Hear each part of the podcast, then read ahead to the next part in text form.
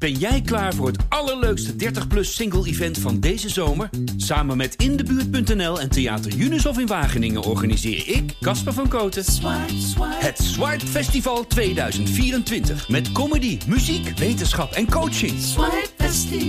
Maar vooral heel veel leuke mensen. Bestel nu je kaart op swipefestival.nl. Swipe, swipe. Welkom in de nieuwe Ondernemersboekenkaast, aflevering nummer 60 alweer. Nummer 60, yay! Dit keer hebben we het boek Het juiste doen als niemand kijkt van Frank Peters. Een ondertitel is Lessen uit ethiek en filosofie voor integer leiderschap. Die titel die hebben we zelf onderling al vaker gebruikt. Het juiste doen als niemand kijkt, want daar draait het natuurlijk om als je gewoon ehm, oprecht en ethisch bent, dan doe je de dingen uh, als niemand kijkt. Hè? Dus je raapt een blikje op. En niet omdat iemand kijkt, maar omdat je vindt dat dat blikje van de straat moet. En dat doe je gewoon, omdat je vindt dat het moet, niet omdat iemand kijkt. Dus ik, ik, ik ben daar totaal voor. Frank is iemand, uh, Frank is iemand die ervaring heeft met uh, het managen van high profile, ik lees het even op, van high profile corporate merken en de ontwikkeling van corporate communicatiestrategie. En zijn specialismen zijn corporate reputatiemanagement, crisismanagement en issue management. Um, toen ik dat las, dacht ik wel even van, oké, wat voor boek gaan we nou lezen? Hij heeft verschillende boeken geschreven onder reputatie onder druk, uh, media training voor iedereen, crisiscommunicatie voor iedereen. Dus, dus hij zit echt op het communicatiestuk. Hij houdt zich bezig met communicatie en reputatie van vooral corporate bedrijven. Uh, ze hebben een bureau met z'n tweeën wat ze dat doen. En ik had daar wel ergens gevoel bij. Zal ik zo op terugkomen? Voordat ik verder ga, wij uh, die dit boek bespreken, is aan de ene kant Tom van Lubbe. Welkom Tom. Hoi Erno. En aan de andere kant Erno Hanning. En uh, dit boek hebben we ook weer gekregen van de uitgever. Dat is heel erg leuk, dus dank je wel daarvoor. En toen ik met het boek begon, toen dacht ik ook, vooral met name rondom dat corporate gedachte, de hele tijd wat terug naar voren komt. Dit is een boek wat niet voor mij is. Ik, ik, ik, ik ben niet van de corporate. Ik hou daar niet zo van. Ik vind het ingewikkeld, veel te groot. Maar hoe verder ik in het boek kwam, hoe meer ik ontdekte hoeveel ethiek terugkomt in de onderwerpen waar ik mee bezig ben. En ook um, de onderwerpen waar ik afgelopen week tegenaan liep. Bijvoorbeeld, uh, de NIMA heeft uh, een spreker uit de tabakswereld geschrapt van hun jaarcongres. Daar is best wel veel commotie over geweest, maar dat is, een, is natuurlijk een ethische zaak, want je mag helemaal geen reclame maken voor, voor, tabaksproducten.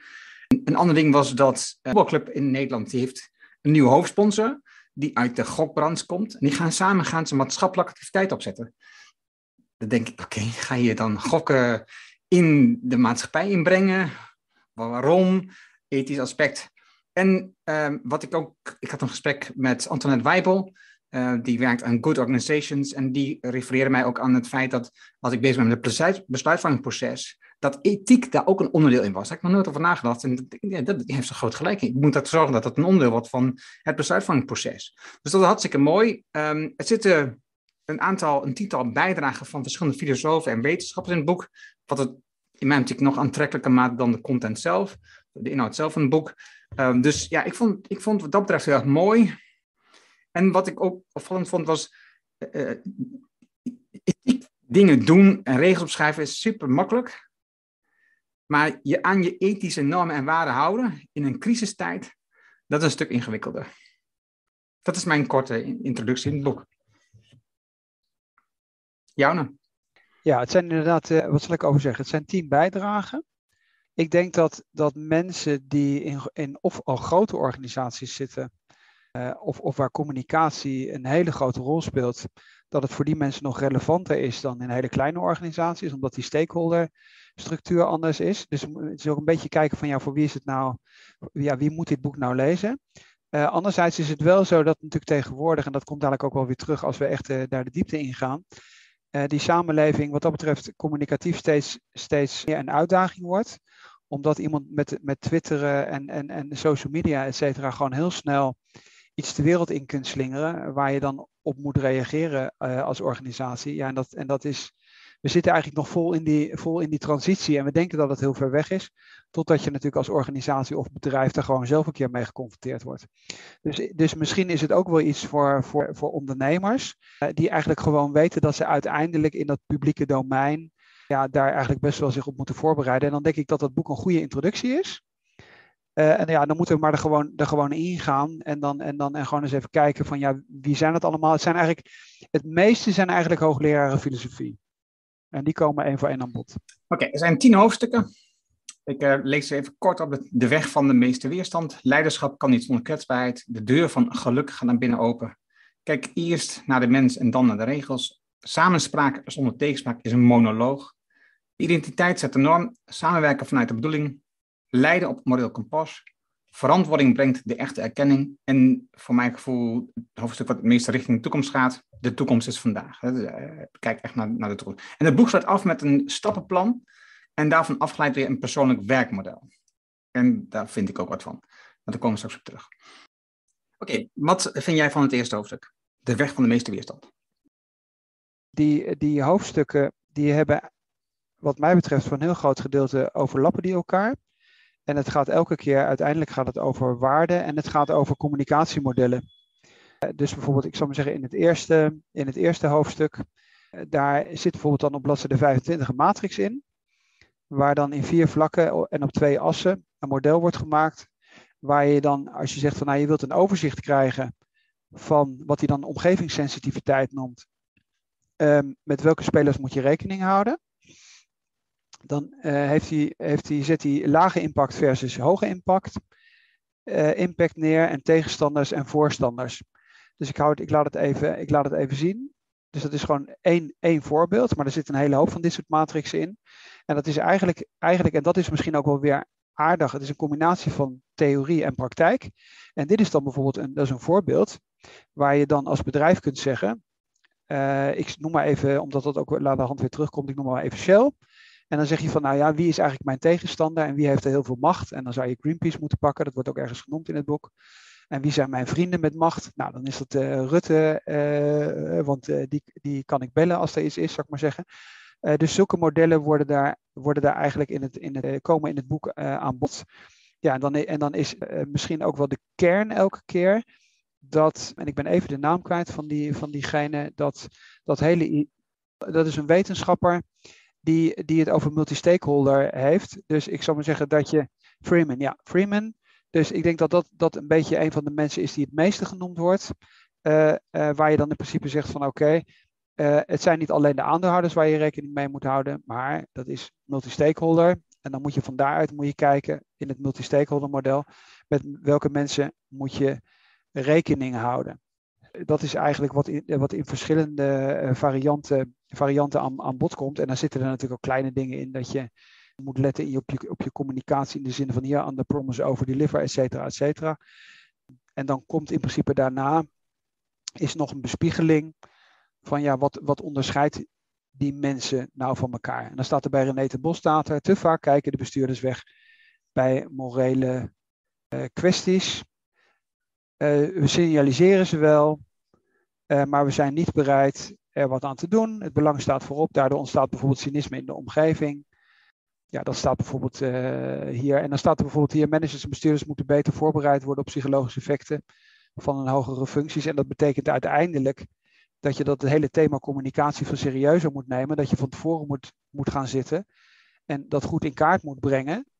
Met die mensen uiteindelijk contact moet opnemen.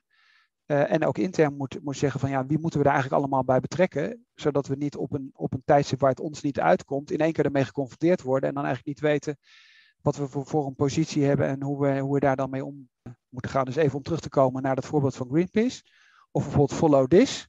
Shell zou om even bij het voorbeeld van Shell te blijven, op het moment dat je elkaar niet in de haren vliegt op de aandeelhoudersvergadering, is moeten nadenken van hoe kunnen wij nou eigenlijk die communicatie met partijen die een, hele andere, een heel ander maatschappelijk doel vervolgen, hoe kunnen we op een of andere manier toch een gesprekscultuur of een structuur in aanbrengen, zodat we daar niet uh, verrast worden op het verkeerde uh, moment. En daar, en daar zijn die matrixen uh, goed voor. En ja, in, in, dit eerste hoofdstuk heb ik er nu even één voorbeeld genoemd. Ja, en overigens, ik zat met dat Freeman-stuk, die gaat dus over dat stakeholder-stuk. En ik was wel in het begin even verward, want um, Freeman en zijn, zijn, de meest bekende natuurlijk uit die tijd is Friedman. Dus die namen liggen heel dicht bij elkaar, want die Friedman die gaat juist voor shareholders. En Freeman gaat voor value en Friedman gaat voor profit. Ik heb er straks in de show notes een link hierover om dat verschil te laten zien. Maar dat ligt dus heel dicht bij elkaar, toevallig die namen, waardoor ik zelf ook in de verwarring kom. Een van de zinnen die mij wel aansprak in, deze, uh, in dit stuk was... De reputatie komt te voet en gaat per Twitter. Nieuwe vorm van, uh, een, oude, van een oud gezegde. Een ander was, uh, voldoen aan de wetgeving is niet meer voldoende. Het tweede hoofdstuk is leiderschap kan niet zonder kwetsbaarheid. En hierin laat ze zien dat de bestuurder is het boegbeeld um, die zich kwetsbaar mag opstellen. Um, al vind ik wel, en dat zie je ook terug in de verschillende boeken die ze gebruiken, ze gebruiken veel Amerikaanse boeken, uh, ook veel Amerikaanse onderzoek in het boek, dat dit boegbeeldverhaal vooral geldt voor Anglo-Amerikaanse bedrijven. Als we kijken naar de Rijnlandse familiebedrijven, is juist ondernemer of uh, leider uh, eigenlijk veel minder in beeld. En dus daar is het, zijn we veel terughoudender in. Um, dat viel mij in dit hoofdstuk op. Ethiek uit zich in het gedrag en komt voort uit normen en waarden. En als je dan kijkt naar ondernemers die een sterk familiebedrijf hebben, waar ook geloof een rol speelt, zie je eigenlijk dat die normen en waarden eigenlijk automatisch zijn vastgelegd. Dat die automatisch worden uitgevoerd, heel logisch. En ja, ik, ik heb dan ook het gevoel, waar, we doen er dan heel erg ingewikkeld over, heb ik een beetje in, in dit soort hoofdstukken, krijg ik dan het gevoel. En hij zegt verder nog het verschil tussen ethisch ondernemen en leiderschap in ethiek. Waarbij leiderschap in ethiek een stuk verder gaat dan ethisch ondernemen. Ethisch ondernemen is eigenlijk meer voldoen aan de wetgeving. En leiderschap in ethiek is dat je een stap verder zet en ook eigenlijk de wetgeving voor bent. Zo wordt bijvoorbeeld uh, de moral humanity genoemd als een ja, Amerikaanse iets, eh, onderzoek wat er is nagedaan, terwijl voor mijn gevoel dit al de norm is in Rijnlands georiënteerde bedrijven en dus veel minder een rol speelt in Europa en Nederland. De um, bijdrage van Mu Muel Kaptein, die praat over de diamant van de integere manager. En verder heeft hij nog over het verschil tussen moreel en ethisch leiderschap. Dat hij ziet daar een duidelijk verschil, uh, Muel. Dat was hoofdstuk 2 voor mij. Ja, wat wel interessant is, is dat, ik zou zeggen, wat je al net even noemde, dat model, dat is op bladzijde 44. En daar wordt verwezen naar een uitgave Leiderschap in Ethiek van VNO, NCW, MKB Nederland. Komt naar de hand ook nog een keer terug. En daar moeten we misschien naar de hand ook nog even bij stil blijven staan, omdat de vraag is of dat eigenlijk, ik bedoel, het is allemaal opgeschreven, alleen de vraag is natuurlijk uiteindelijk gewoon niet de theorie, maar wat gebeurt er in de praktijk. En uh, misschien dat om, om, om dat is, er zijn veel hoofdstukken, die tien hoofdstukken. En ik, ik heb dus nog eens doorgekeken. Eigenlijk gaat het in bijna, ik zal maar zeggen, zeven of acht van de, van de hoofdstukken gaat het eigenlijk over theorie, wat we allemaal weten. dus je moet gewoon, uh, uh, gewoon dat doen waarvan we weten dat het juist is en de dingen niet doen waarvan we weten dat het niet juist is. Alleen die dingen dan te noemen, dat, dat vinden, ik zal maar zeggen, veel, in veel hoofdstukken is dat blijkbaar erg moeilijk. Terwijl we genoeg goede voorbeelden hebben. En nou pak ik als even als eerste, omdat het wel, wel interessant is, in het hoofdstuk wat jij net noemde, daar worden twee Amerikaanse voorbeelden weer genoemd. Dan denk ik van ja, waarom zoeken we dat zo ver weg?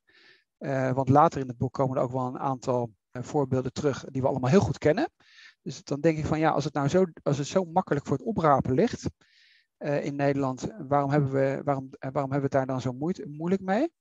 Want de voorbeelden die genoemd worden is Starbucks die reageert op de beperkende immigratie van Donald Trump en Nike over dat spotje van Colin Kaepernick, wat we hebben. En in beide gevallen, en dat vind ik een beetje jammer, is dat natuurlijk je eigenlijk wel zou verwachten dat je de vraag moet stellen, ja, waarom doen ze dat nou eigenlijk? Zou het kunnen zijn dat uh, Starbucks eigenlijk wel belangstelling heeft voor heel veel emigranten die bij hun naar de hand in die winkel staan? Want dat zijn een van de dingen die je makkelijk kunt doen. En Nike heeft hele goede marketinganalyses gemaakt, wat welke doelgroepen ze bereiken doordat ze bepaalde politieke standpunten innemen. Dus ik vind dat best wel lastig in de zin van, juist als je over ethiek schrijft, denk ik dat je er heel erg bedacht op moet zijn. Neemt iemand een, een, ethisch, een quasi-ethisch standpunt in en ben je niet aan, aan het purpose worsen, zou ik maar zeggen, of aan het, aan het ethisch worsen. Dus dat is wel een, een vraagteken wat ik daarachter zet en waarvan ik denk van nou, als je voorbeelden noemt, let dan heel erg goed op uh, dat je ook even kijkt naar het belang van, de desbetreffende, van het desbetreffende bedrijf. En dat is precies ook het hele punt wat ik met dit boek heb. Het is gewoon door de auteur dat hij vooral werkt voor corporates om daar de positionering en identiteit te bepalen en dat uit te stralen in de communicatie. En dus eigenlijk heel vaak, en, en je kunt zien op de website, en er wordt ook genoemd in het boek, met welke bedrijven ze werken, waarvan ik denk, ja, is, is dat nou ethiek of is het nou gewoon geld waar je op dat moment aan werkt? Maar goed, het derde hoofdstuk, de deur van geluk gaat naar binnen open. Ja, dat is ook weer misschien, ik vind die matrix misschien toch wel makkelijk als, als je zegt van nou, mensen hebben, uh, mensen moeten daar gewoon effectief mee aan de slag. Dus ik heb in dit geval is dat bladzijde 57. En daar staat op de ene as, het is weer een beetje een, een, een, een, iets andere insteek dan die matrix die we net in hoofdstuk 1 hadden. Maar het gaat wel een beetje dezelfde kant op. Aan de ene kant staat macht of power op de as. En aan de andere kant het belang. Dus het is macht keer belang. En dan ga je dus kijken, en dan komt hier bijvoorbeeld ook dat voorbeeld terug van Greenpeace voor Shell. Dus dat je in principe aan iemand die veel macht heeft en het heeft een hoog belang voor je als organisatie, dan heet dat manage closely. Dus daar moet je gewoon veel aandacht aan besteden, daar, daar bovenop zitten. Uh, dus weer een voorbeeld hoe je eigenlijk als, waarschijnlijk dan in dit geval uh, vooral corporates, hoe je dus heel erg goed moet inventariseren met welke partijen je rekening moet houden. En dan bepaalde hoef je alleen maar een beetje tevreden te stellen of te informeren. En andere moet je gewoon bovenop zitten en, en, en intensieve intensief mee in gesprek zijn, zodat je dus niet op het verkeerde moment verrast wordt. Ik had, ik had in dit hoofdstuk uh, gemengde gevoelens. Ook die matrix van macht keer belang. Want als je vooral je aandacht besteedt aan de bedrijven of organisaties of partijen die de meeste macht en belang hebben, dan kan het zo zijn dat je iemand die in een ander kwadrant zit um, uit het oog verliest. Ik, ik, denk aan, en ik weet niet precies um, welk land het was, maar dat was een, een boer uit Zuid-Amerika die een rechtszaak aanspant tegen een, ik dacht een Duits energiebedrijf of een Duits miningbedrijf um, in de EU. Iemand die, geen, die nauwelijks belang heeft en die ook geen macht heeft, maar uiteindelijk wel een rechtszaak aanspant um, en dus daarmee ervoor zorgt dat je in de media komt op een niet zo prettige manier. Het, kan maar zo zijn dat je zoiets totaal niet op de kaart hebt en je dus totaal verrast. Dus wat ik bij die matrix het gevoel heb is, dat die een beetje tegenstrijdig is met de titel. Omdat je namelijk op dat moment handelt voor de partij die dus juist wel kijken. De grote partij die ze aandacht hebben. En dus eigenlijk niet handelt vanuit je ethiek, maar gewoon handelt vanuit wat levert mij het meeste op. Dus ik, ik had daar wat um, problemen mee. En, en later wordt bijvoorbeeld genoemd, de Twitter is een goede barometer. Nou, ik denk ook, ja, dat is niet waar. Uh, als je als een leider, um, nou, Elon Musk is vrij zichtbaar op Twitter je kan elk beeld neerzetten wat je maar wil daar.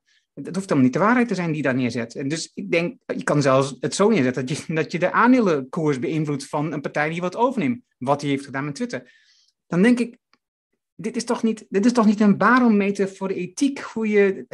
Maar goed, dat was een beetje voor wat ik had. Nou, ik wil er wel op aanvullen, omdat ik zou zeggen, om even de titel te herhalen, het juiste doen als niemand kijkt, zou voor Shell dus betekenen dat je serieus een transitie probeert te maken met het bedrijf naar duurzame energievoorziening. Dat zou ethisch het juiste uitgangspunt zijn. Het juiste doen als niemand kijkt. Nou, terug naar de matrix.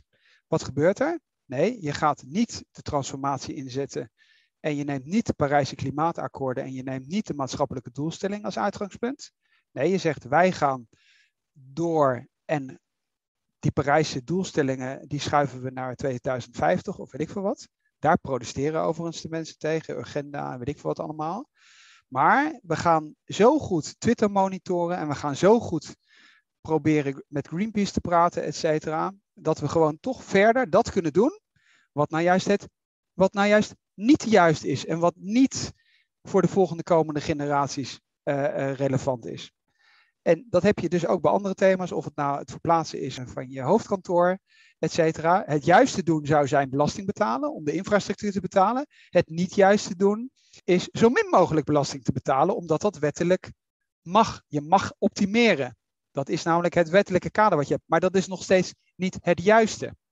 Dus ik, uh, ja, ik ben dat uh, eh, 100% met jou eens. Het interessante is dat aan het eind van dat hoofdstuk, en je ziet het in de taal, zie je dat?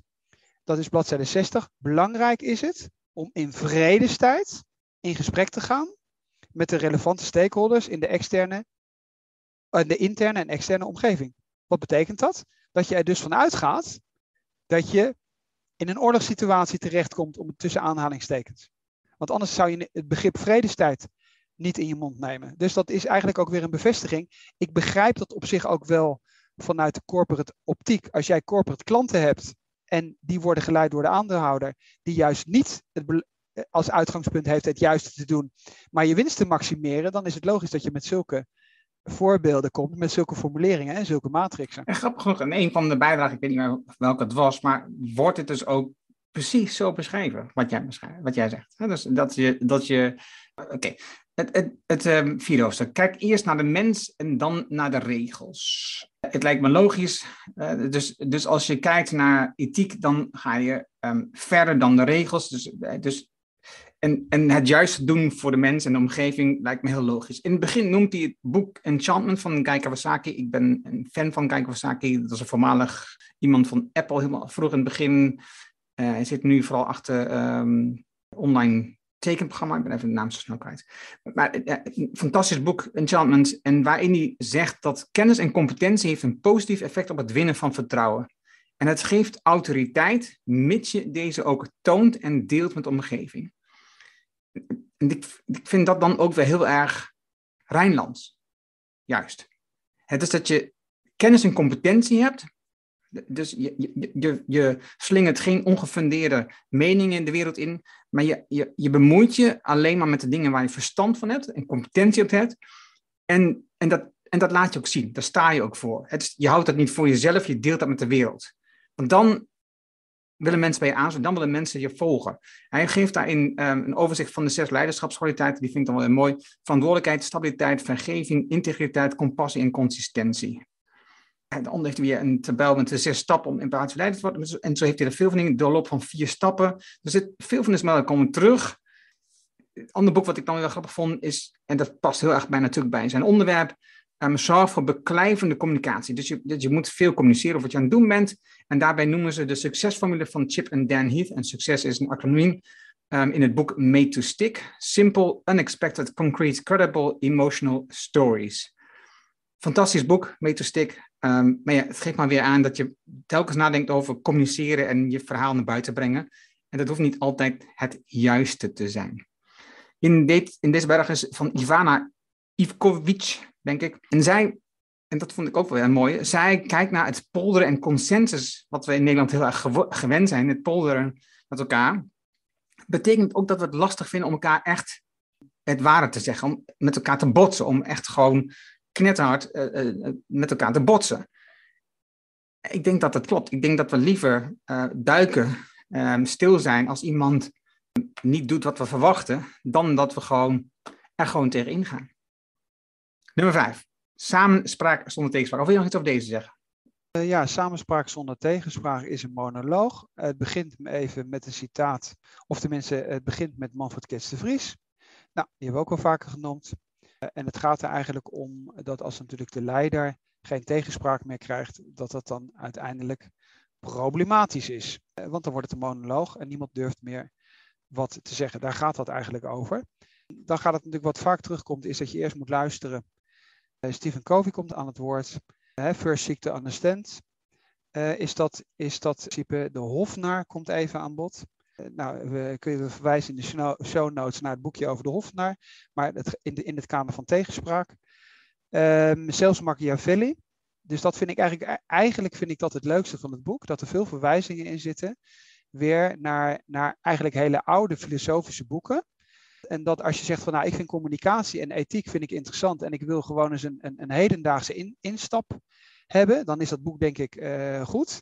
Uh, mijn conclusie was van uh, laat ik maar weer Marcus Aurelius en Machiavelli, et cetera, et cetera lezen.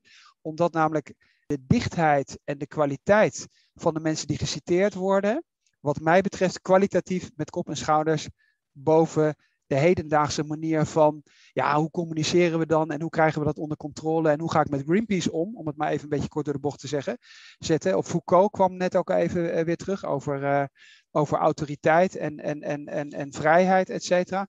Uh, en ja, in, in, in, dit geval is dat natuurlijk dat, dat als leiders geen kritiek meer toelaten, ja, dan wordt het op een gegeven moment heel lastig. En dan corrompeert macht, of absolute macht corrompeert absoluut. Dat is in principe waar het, uh, waar het hier, hier, gaat. En degene die daar, dus Minke Tromp, die zegt hoe hoger je in de hiërarchie komt van de organisatie, hoe minder er wordt nagedacht. Dat vind ik wel interessant. En dat noemt zij de succesparadox. Nou, en dan is dat natuurlijk uiteindelijk weer een verklaring ervoor dat op een gegeven moment ben je over je top heen, omdat er wordt niet meer over, er wordt niet meer gediscussieerd, er is geen tegenspraak meer. En, en dat betekent natuurlijk dat je erop kunt wachten eh, dat je een bedrijf tegen de betonnen muur zet. En dat is dus hier die succesparadox. Ja, Minke Tromp is ook een filosoof. En ik zal even zoeken wat er precies bij haar stond. En, um, en toevallig heb ik net een evenement van haar, met haar, van haar bijgewoond van de Black Sheep Community. Dat is aan het opzetten. Uh, waarbij, ja, dat zijn zoveel mensen die outliers zijn. Dat staat dan precies bij haar. Organisatiefilosoof en antropoloog. En um, interessant, interessante vrouw. En wat ze hier noemt, ook uh, terug te kijken naar de oudheid, uh, als oplossing om uh, die succesparadox te breken, Socratische gesprekken die ze voert. Mooi ding. Oké, de identiteit zet de norm. Nou, hier, ik zeggen, gewoon zo simpel, zo logisch. Doe je niet anders voor dan je bent. Concentreer op wie je echt bent en waar je van nature goed voor bent, goed in bent. En wees daar duidelijk en eerlijk over. Tada!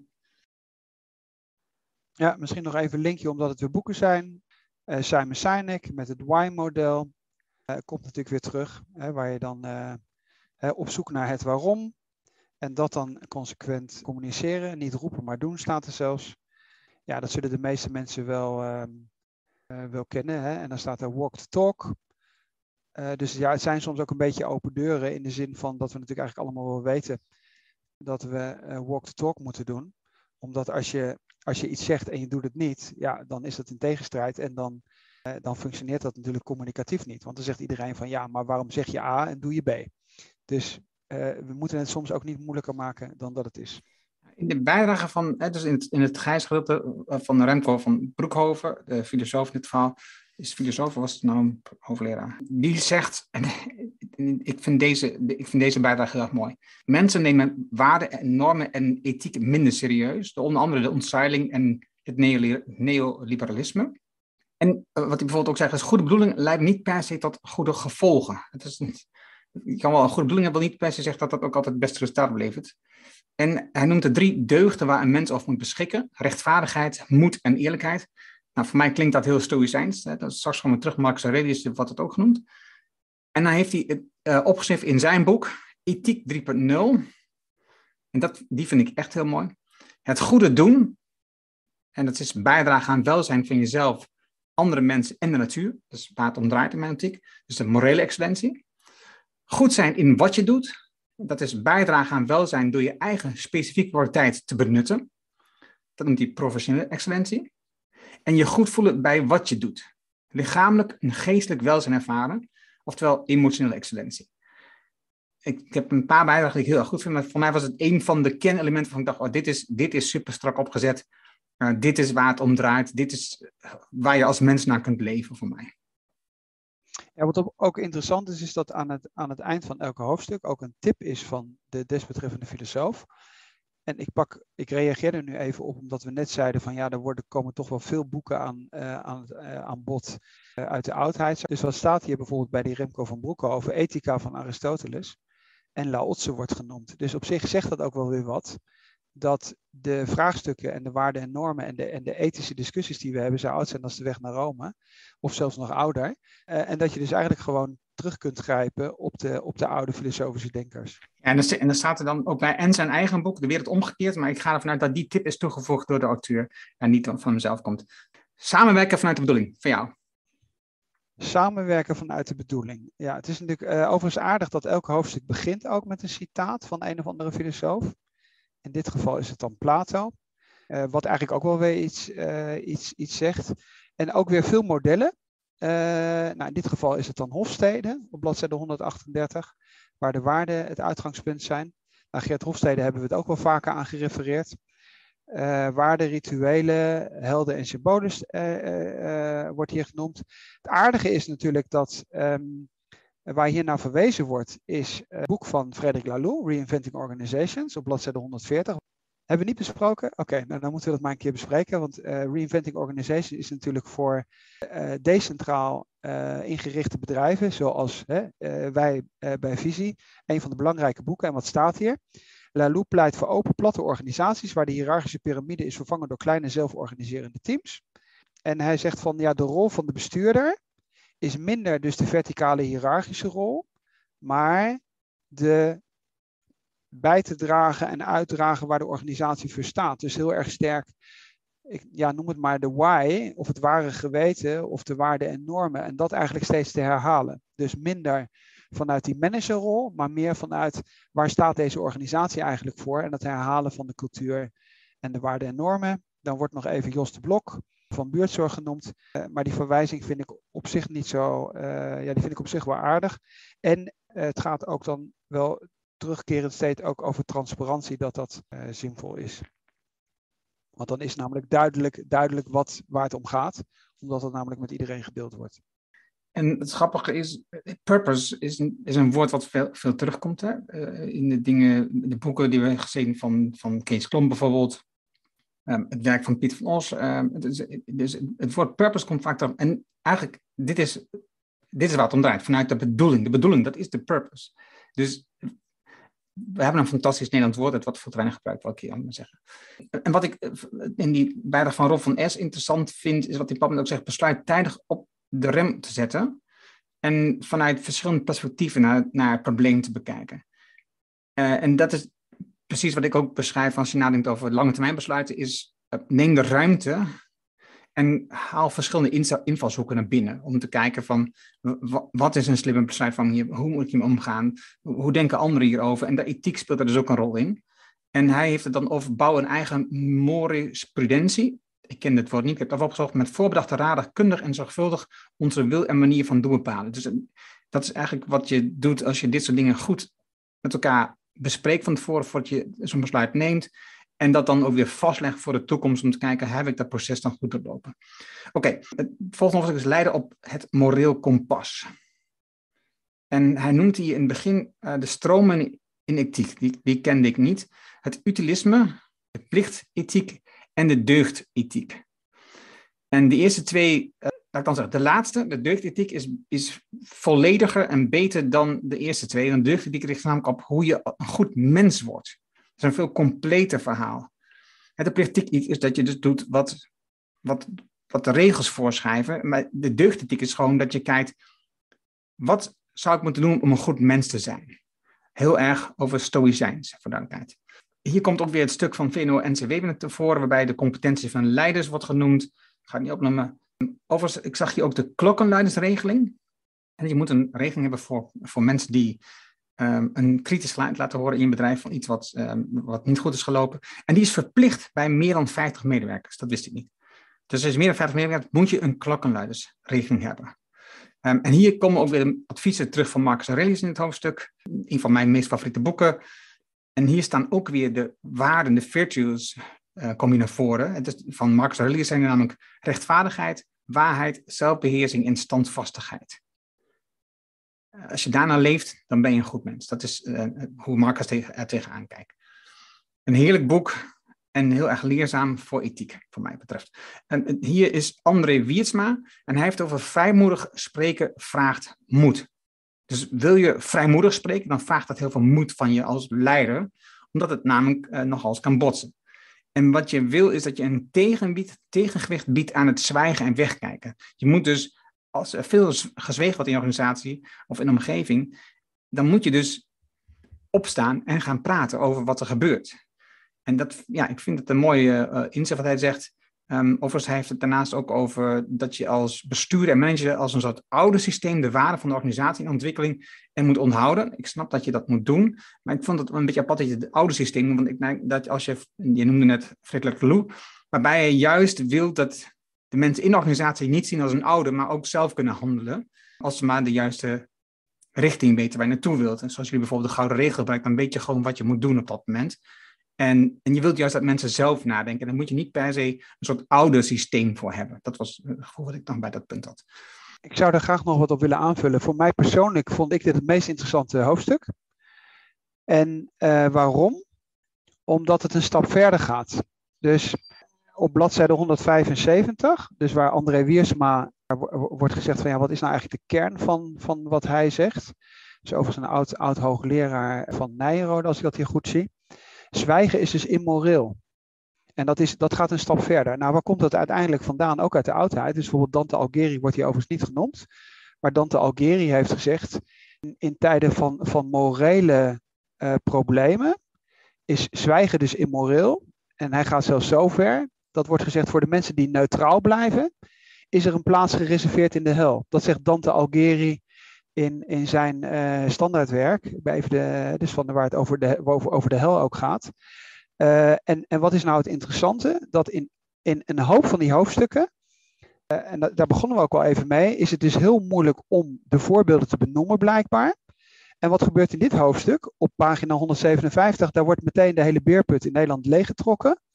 Dus dat begint met Booking. Booking dat gebruik maakte van de staatssteun van 5000 medewerkers tijdens de coronacrisis. Dan komt Air France, dat vlak na de toegekende coronasteun zijn bestuurders wilde belonen. En dan komt het startgeld van 10 miljoen euro voor de nieuwe CEO van Douwe Egberts. En dan staat eronder, dit zijn allemaal situaties waarin het morele kompas van de betrokken bestuurders zijn in de steek liet. Of waarin louter van binnen naar buiten werd gekeken, met als gevolg dat er grote maatschappelijke druk ontstond op de voorgenomen acties. Het resultaat is bijna altijd dat men uiteindelijk toch bakzeil haalt. En wat vind ik nou het goede eraan? Dat het gewoon eens benoemd wordt. Want iedereen zit dat boek te lezen en denkt van ja, maar wanneer komen nou die schandalen die we allemaal kennen? En dat is het ene. En het tweede thema, wat is nou zo interessant in, dat, in datzelfde hoofdstuk? Dat als je dat boek zit te lezen, dan zeg je ja, maar als het allemaal zo logisch is en we weten dat walk the talk en we weten wat goed en fout is, waarom gaat het dan toch fout? En op 163 wordt het uitgelegd. Dus er zijn twee wetenschappers, Frederick Bird en James Waters, kennen het onderzoek, eh, ik had het in ieder geval niet paraat. Daar worden 300 morele vraagstukken voorgele voorgelegd aan managers. En daar blijkt dus dat ze allemaal heel erg terughoudend reageren.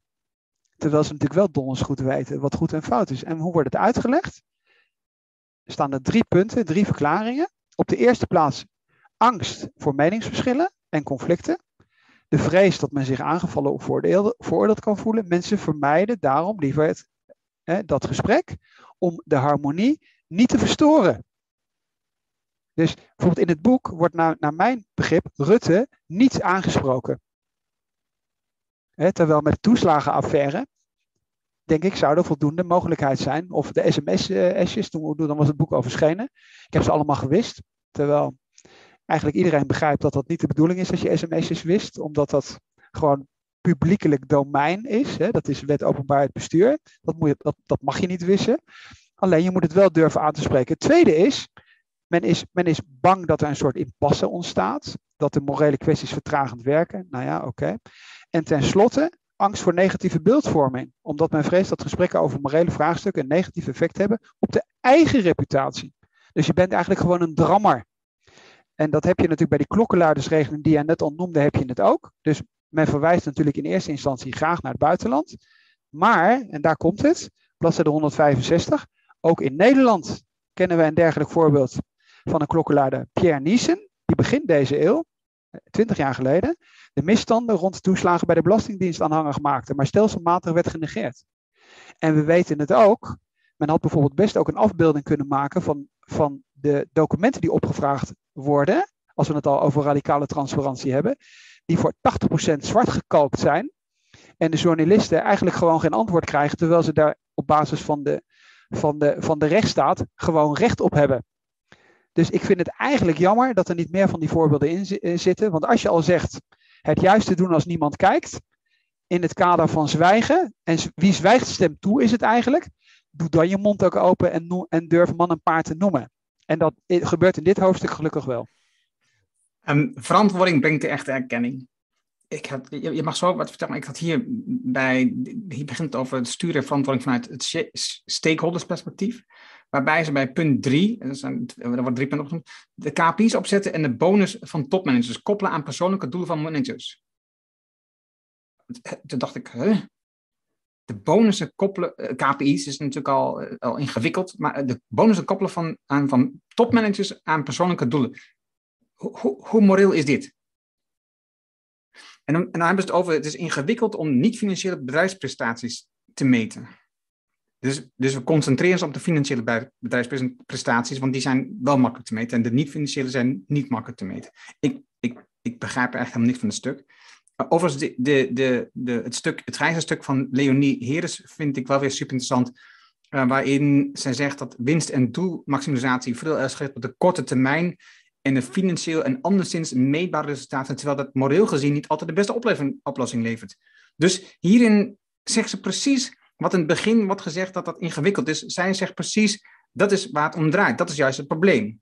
En zij als oplossing, of een van de oplossingen beschrijft van, stel veel meer jongere mensen aan, haal meer diversiteit in huis, en denk eens bijvoorbeeld aan reverse, reverse coaching. Oftewel, laat die jongeren de senior topmanagers coachen. dat geeft een veel beter beeld van wat er buiten je organisatie speelt als je um, de oud-gediende laat coachen, zo'n topmanager. Um, organiseer tegenspraak. Dit, ik, ik, ik, vond, ik vond het witte deel in dit hoofdstuk heel eigenaardig, maar het grijze deel van Leonie is super interessant. Ja, wat natuurlijk hier nog bij komt, is dat als je bijvoorbeeld een bonus zou zetten op goede reputatie, dan heb je dus er nog minder belang bij dat er intern en ook extern de discussie gevoerd wordt over dingen die je heel moeilijk vindt. Dus het is, je krijgt eigenlijk het tegenovergestelde effect. Je hebt er geen belang meer bij dan dat er allerlei. een voorbeeld. Je hebt een MeToo-affaire in de, in de raad van bestuur van KPN. En je, hebt, in je bonus hangt er vanaf van je reputatie. Heb jij dan belang bij dat dat, dat, dat MeToo-thema uh, gethematiseerd wordt? Natuurlijk niet. Dus dat is, dat is natuurlijk een beetje uh, contraproductief. Wat interessant is dat de literatuurtip in het grijze stukje is de moed tot waarheid van Foucault. Oké, laatste hoofdstuk. De toekomst is vandaag. Ja, wat ik hier mooi vond, was in het begin, het voorbeeld is wel weer uh, uit Amerika gehaald, maar Patagonia, super interessant voorbeeld. Wat ze dus zeggen is, uh, wees duidelijk toe naar buiten, want als je duidelijk naar buiten bent, dan trek je daarmee nieuwe medewerkers, dus wat je standpunten zijn in dit gebied, op dit gebied, dan trek je nieuwe medewerkers aan en die blijven ook langer, omdat ze graag willen werken bij zo'n organisatie die een duidelijk standpunt inneemt waar ze, waar ze, ja, waar ze zich onder kunnen schuilen, waar ze, waar ze zich mee verbonden voelen. Die medewerkers die dus echt bij jou zijn gekomen om, omdat je dat standpunt uit. Dat zijn ook de ambassadeurs voor je bedrijf. Hè? Dus maak die medewerkers gelukkig met zo'n standpunt, met een, met een plek waar ze zich thuis voelen. Zijn ze ambassadeurs voor A, klanten en B, nieuwe medewerkers? En dus wij, op dit moment hebben we zo'n groot probleem met nieuwe mensen aantrekken. Nou, ik zou zeggen, trek je mond eens open. Laat eens zien wat je standpunt is als, als, als leider van je organisatie. Treed eens naar buiten op een punt wat ingewikkeld is en wat moeilijk is in de maatschappij, of, noem eens discriminatie of ongelijkheid, of noem maar een punt op wat, je, wat op dit moment een rol speelt, stikstof, of uh, maakt niet uit wat. Neem daar zijn stampunt in en treed naar buiten en dan zul je zien. Want ze waarschuwen het hoofdstuk op dat moment dan van, dat betekent wel dat je mensen um, gaat afstoten, dat je niet iedereen gelukkig kunt maken. Nee, precies, dat is de bedoeling. Als je een standpunt inneemt, dan trek je dus mensen aan, maar je stoot ook mensen af. Dat is de hele bedoeling van. Maar goed, ik win me op. Ja, wat in principe interessant is, ik vond het een van de meest interessante uh, hoofdstukken. En waarom? Omdat eigenlijk gewoon men laat zien dat er, dat er lange termijn ontwikkelingen zijn, uh, die eigenlijk onomkeerbaar zijn. En je daardoor automatisch, als je dus toekomstgericht denkt, daar helemaal niet onder, onderuit komt om maatschappelijker en moreler in de wedstrijd te gaan zitten. Dus even om de dingen door te lopen, omdat we ze ook allemaal mooi kunnen verwijzen naar, omdat het allemaal boeken zijn die we besproken hebben.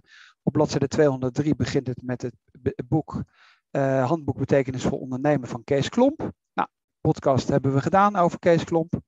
Komt uh, Kees Rayworth aan het boek met de Donut Economy. Uh, dan komt weer Edward Freeman terug met de stakeholder, of ja, met, de met het stakeholder kapitalisme.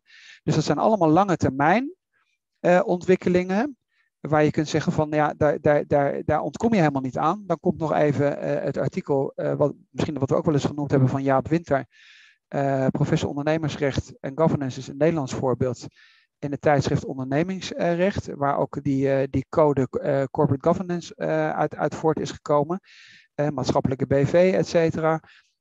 ja, dat zijn dus eigenlijk allemaal ontwikkelingen. Men had nog B Corp kunnen nemen, et cetera. Oh nee, B Corp staat er, staat er zelfs in.